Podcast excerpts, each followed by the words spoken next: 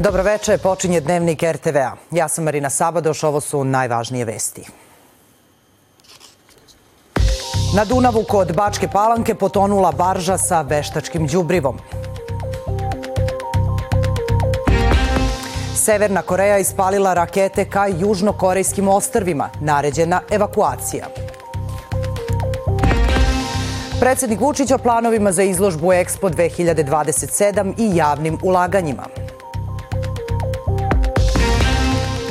Vaterpolisti Srbije igraju sa Izraelom na početku evropskog prvenstva, a naše vaterpolistkinje savladale Tursku. Još sutra toplije od proseka. Od Božića zahlađenje i sneg.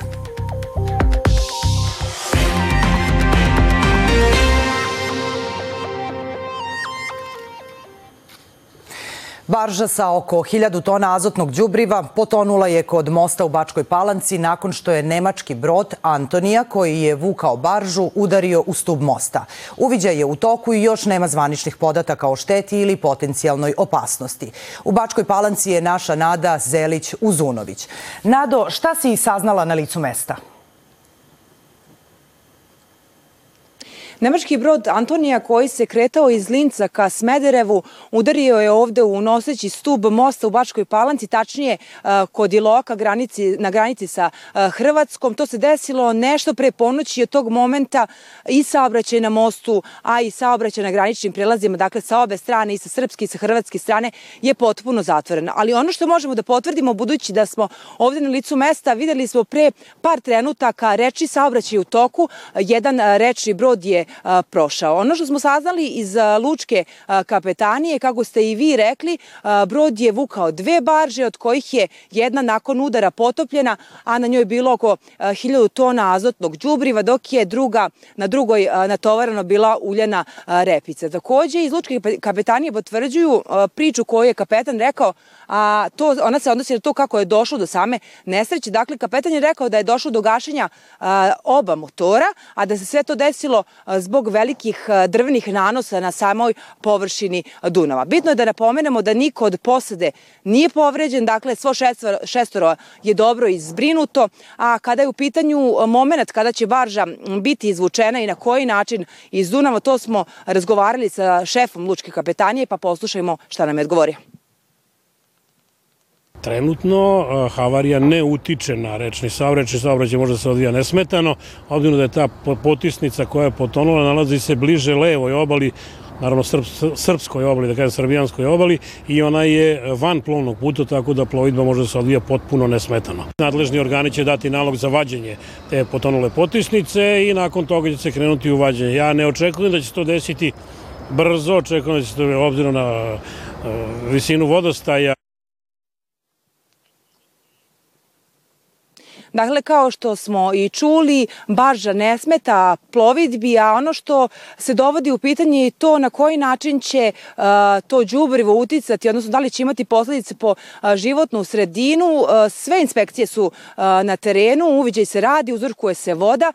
Prema prvim informacijama koje imamo i saopštenja Pokrajinskog sekretarijata za poljoprivredu i Pokrajinskog sekretarijata za zaštitu životne sredine, ovde trenutno nema elemenata za krivično delo zagađenja životne sredine, a tako takođe i inspektori za ribarstvo koji su obavili sam uviđaj ovde na licu mesta i nizvodno od lica mesta kažu da nisu primetili pomor ribe kao ni da nije bilo nekih fizičkih oštećenja na samoj vodi. Svakako to su neke prve projekcije, odnosno prve procene, a prve procene dao nam je i profesor Srđan Rončević sa Prirodno-matematičkog fakulteta, pa poslušajmo i njegovu izjavu taj azot dugotrajno gledano, ako bi se savra stvorio, može da dovodi do eutrofizacije vodotoka, do zabarivanja, do potrošnje kiseonika, do, do stvaranja mulja. Sreća u nesreći jeste što se to obično pakuje u vodonepropusne vreće, baš iz razloga da vlaga ne prodre u njega i da ne dođe do slepljivanja granula, pa se nadamo da te vreće nisu oštećene i da zapravo će one biti uklonjene pre nego što dođe do rastvaranja đubriva. Dakle, još jednom da ponovimo, granični prelaz ni sa srpske, ni sa hrvatske strane a, trenutno nije u funkciji, ni, ni most a, takođe 25. maj, a, preko njega se ne odvija saobraćaj i dakle svi koji su se uputili ka ovom graničnom pre, prelazu, negde preporuka je da koriste alternativne prelaze. Mi svakako ostajemo na terenu, pratimo situaciju i sa nekim novim informacijama se čujemo nešto kasnije u razglednicama. Toliko. Hvala ti, Nado. A svetu kao da nije dosta tenzije i napetosti, pa nove stižu sa Korejskog poluostrva. Severna Koreja je ispalila više od 200 granata sa svoje zapadne obale, što je primoralo Seul da naredi evakuaciju dva ostrva u Žutom moru. Stanovništvu ostrava Jeon Pyongyang stiglo je upozorenje da što pre u skloništa, a činjenica da je više od 200 raketa palo u blizini sporne morske granice između dve Koreje za manje od dva sata između 9 i 11 ujutru zabrinula je mnoge građane juga, dok su vlasti potez Pyongyanga ocenile kao provokaciju. Nakon što sam čuo vesti, zabrinut sam i plašim se da može doći do rata. Mislim da bi svi morali da budemo informisani o razlozima evakuacije i da znamo gde da idemo, jer generalno ne znamo ni gde su skloništa i bunkeri. Severna Koreja je odgovorna za eskalaciju. Pozivamo ih da se zaustave. Naša vojska prati situaciju i u saradnji sa Amerikom sprovešće mere kao odgovor na provokacije. Kao odgovor Južna Koreja pokrenula je vežbe artiljerija. Istovremeno severnokorejski mediji preneli su vez da je lider Kim Jong-un obišao vojne fabrike i uputio poziv da se poveća proizvodnja vozila za taktičko i strateško oružje, kako bi se država pripremila za obračun sa neprijateljima.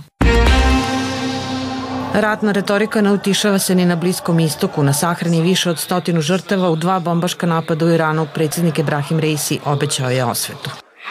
Naši neprijatelji videće snagu Irana. O vremenu i mestu akcije odluku će doneti naše snage. Tačno je da je islamska država preuzela odgovornost, ali ko su oni? Oni imaju podršku SAD-a. U region koji odrasta tenzija puca po šavovima uputio se i američki državni sekretar Anthony Blinken, a najavljeni su njegovi razgovori u Tel Avivu i u Ramali. Za to vreme u Gazi samo nove žrtve, a na meti izraelskih raketa ponovo i sever i jug enklave. I kao da sve ovo nije dovoljno, sa severa Evropa svakodnevno stižu vesti o ekstremno niskim temperaturama. Na skandinavskom poluostrvu kao da je ledeno doba. Temperatura 35 ispod nule. Uz to Švedsku je okovala snežna mećava, a Nemačka, Belgija, Francuska i Velika Britanija bore se s poplavama. U Finskoj hladno. Koliko? Pa toliko da se kipuća voda ledi i pretvara u sneg u vazduhu. Temperatura je debela u minusu i u Švedskoj, a zbog hladnoće je noćas nestajalo i struje. Popeo sam se da vidim koliko je hladno. Bilo je minus 38, pa sam uradio jedino moguće, upalio kaljavu peć. Mnogi šveđani nisu imali sreće da budu kod kuće, nevreme ih je zateklo na autoputu gde su ostali zavejani satima. Na evakuaciji radi i vojska i spasilačke službe, a onima koji još čekaju dopremaju se hrana i voda. Čekam ovde 12 sati, sad će 13. U velikom delu starog kontinenta poplave voda je potopila ulice na severu Francuske, a vanredno je u Nemačkoj. U gradiću Bregi užurbano se postavljaju džakovi barijere, a oni nisu jedini koji se u Saksoniji dan i noć bore da zaustave vodu. Impresivno je videti svu ovo solidarnost. Danima nebrojeni građani, organizacije i institucije vredno rade. Niko ne gleda na sat. Svi daju sve od sebe da se odbrane od poplava. Treći dan sa visokim vodostajem i poplavama muku muči i Belgija. Od jutros je suspendovan železnički saobraćaj od Brisela do Luksemburga jer je pod vodom jedan od železničkih mostova, a čamci su jedino prevozno sredstvo i na jugozapadu Engleske.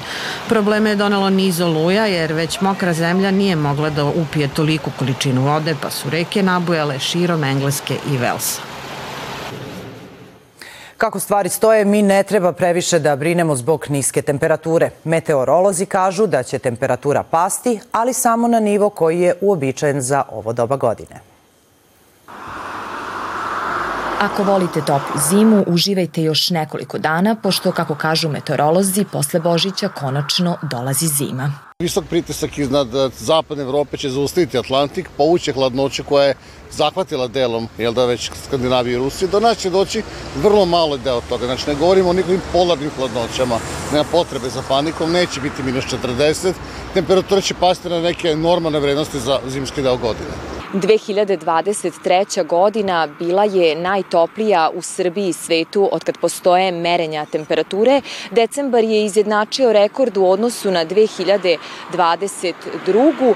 Jedan od razloga za sve toplije godine iza nas jeste i pokazatelj globalnog zagrevanja.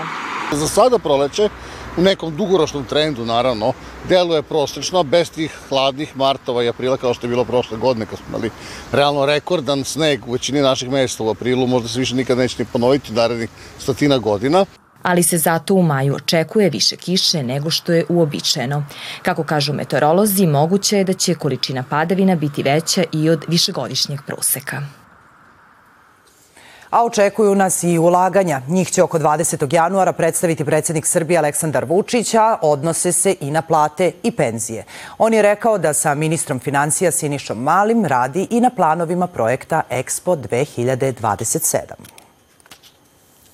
Ovo je nešto što će svaki kraj, svaki deo naše zemlje da promeni. Od ulaganja u digitalizaciju, nove superkompjutere, nove data centre, uh, ulaganje u veštačku inteligenciju, ulaganje u mnogo novih puteva, 12 autoputeva danas gradimo, gradit ćemo ih još više i brzih saobraćajnica, mnogo novih pruga, bolnica, škola, dakle javno ulaganje moraju da budu neuporedivo veće i za to sada tražimo dodatne izvore finansiranja da ne bismo uvećavali, da ne uvećamo ni javni dug u odnosu na BDP, ali ni deficit da značajno ne povećamo. Patrijarh Porfirije trećeg dana posete Kosovu i Metohiji obišao je manastir Visoke Dečane. Tamo su ga dočekali iguman manastira, otac Sava i vladika Raško Prizrenski Teodosije. Patrijarh je poručio da je mir duhovna kategorija i da se Kosovo brani pre svega činjenjem dobrih dela, dodajući da je najvažnije znati da su razumevanje sloga i mir ne mogu postići nemirom. Patrijarh Porfirije će sutra služiti liturgiju u manastiru Gračanici, dok će Božić dočekati u Pećkoj patrijaršiji.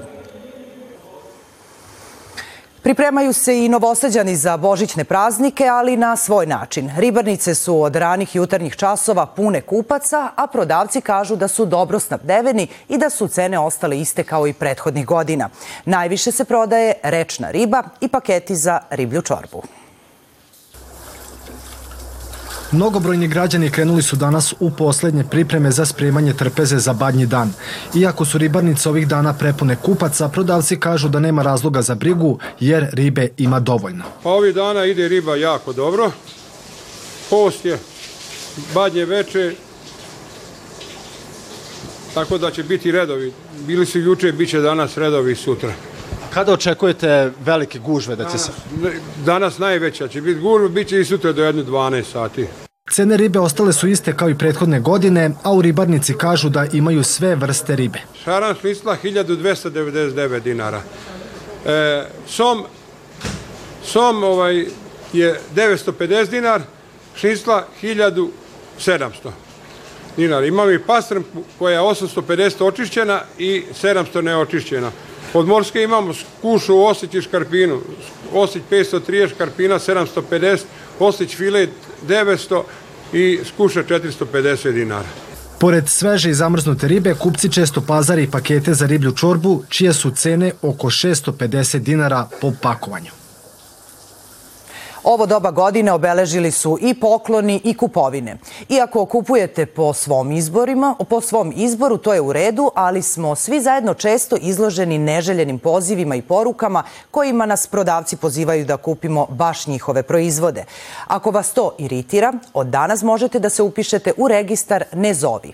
Formiranje registra obavezuje trgovce da pre poziva bilo kojeg broja provere da li se on nalazi na listi.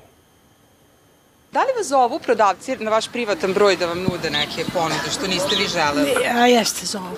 I šta kažete, da li vam to smeta? Smeta mi i odbijam sve. Da, isto kao i za izbore.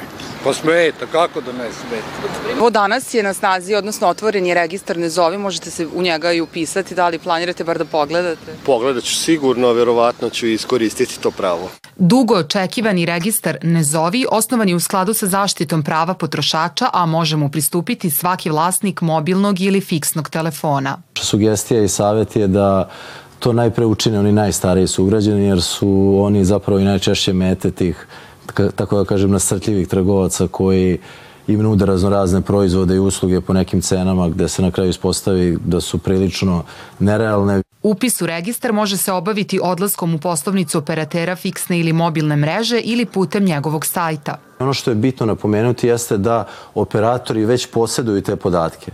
Dakle, već imaju sve.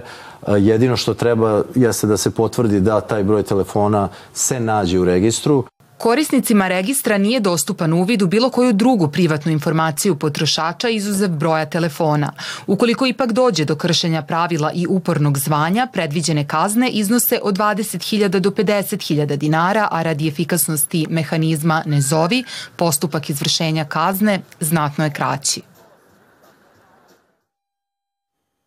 Budislav Milivojević, penzionisani radnik radio televizije Vojvodine, preminuo je u 72. godini. Najveći deo radnog staža proveo je u mobilnoj tehnici televizije, a u penziju je otišao sa mesta rukovodioca mobilne tehnike. Ostaće upamćen kao vredan radnik i divan kolega. Sahrana je u ponedeljak 8. januara u 12 časova i 45 minuta na gradskom groblju u Novom Sadu.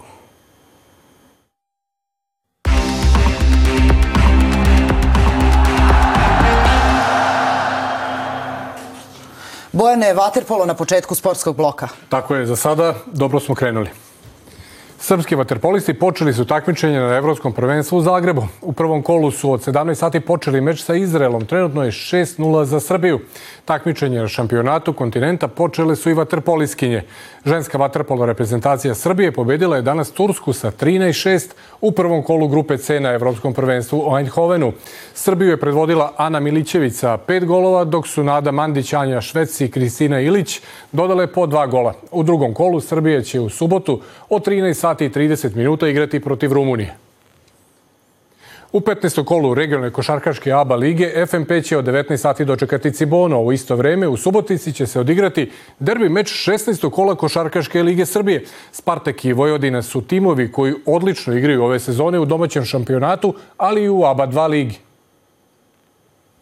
Pitanje u kom sastavu ćemo nastupiti, ali derbi je, tako da tu nema neke alibi priče. Mi imamo a, trenutno prednost u domaćem prvenstvu, ali to ništa ne znači. Na nama je da maksimalno hrabro i skoncentrisano pristupimo ovaj, nekoj zamisli koju ćemo probati da sprovedemo u meč. Radi se o protivniku koji je popunjen na svim pozicijama, opet ono što je značajna stvar, e, negde taj kor tima ili deo tima e, e, jako iskusnih igrača, igrača koji su nosili ovaj sistem prethodnih sezona je ovaj zajedno već duže vreme, što je jako bitno za uspostavljanje sistema.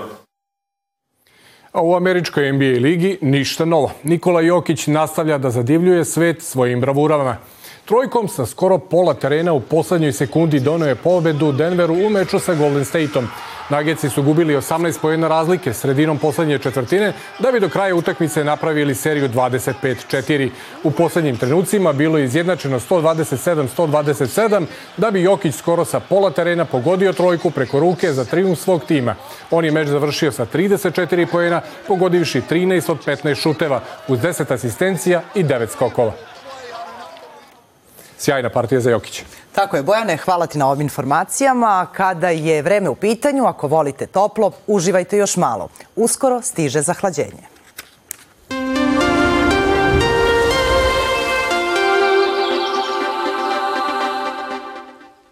Od sledeće sedmice prava zima. Još sutra toplo za početak januara u sunčane i oblačne periode. Prepodne kratkotrena kiša u Vojvodini, a popodne na zapadu i severu Srbije. Ipak veći deo dana biće suvo. Duvaće umerena košava u Banatu pojačana. Jutarnja temperatura 2 stepena, dnevna od 12. do 17. podeljka. 7. januara oblačno uz pad temperature. U noći između nedelje i ponedeljka zahlađenje sa snegom. Severni vetar biće u pojačanju. U ponedeljak još hladnije sa susnežicom i snegom. Očekuje se i formiranje manjeg snežnog pokrivača. Od utorka postepeno prestanak padavina. Toliko u ovom dnevniku. Hvala na pažnji. Ostanite uz RTV.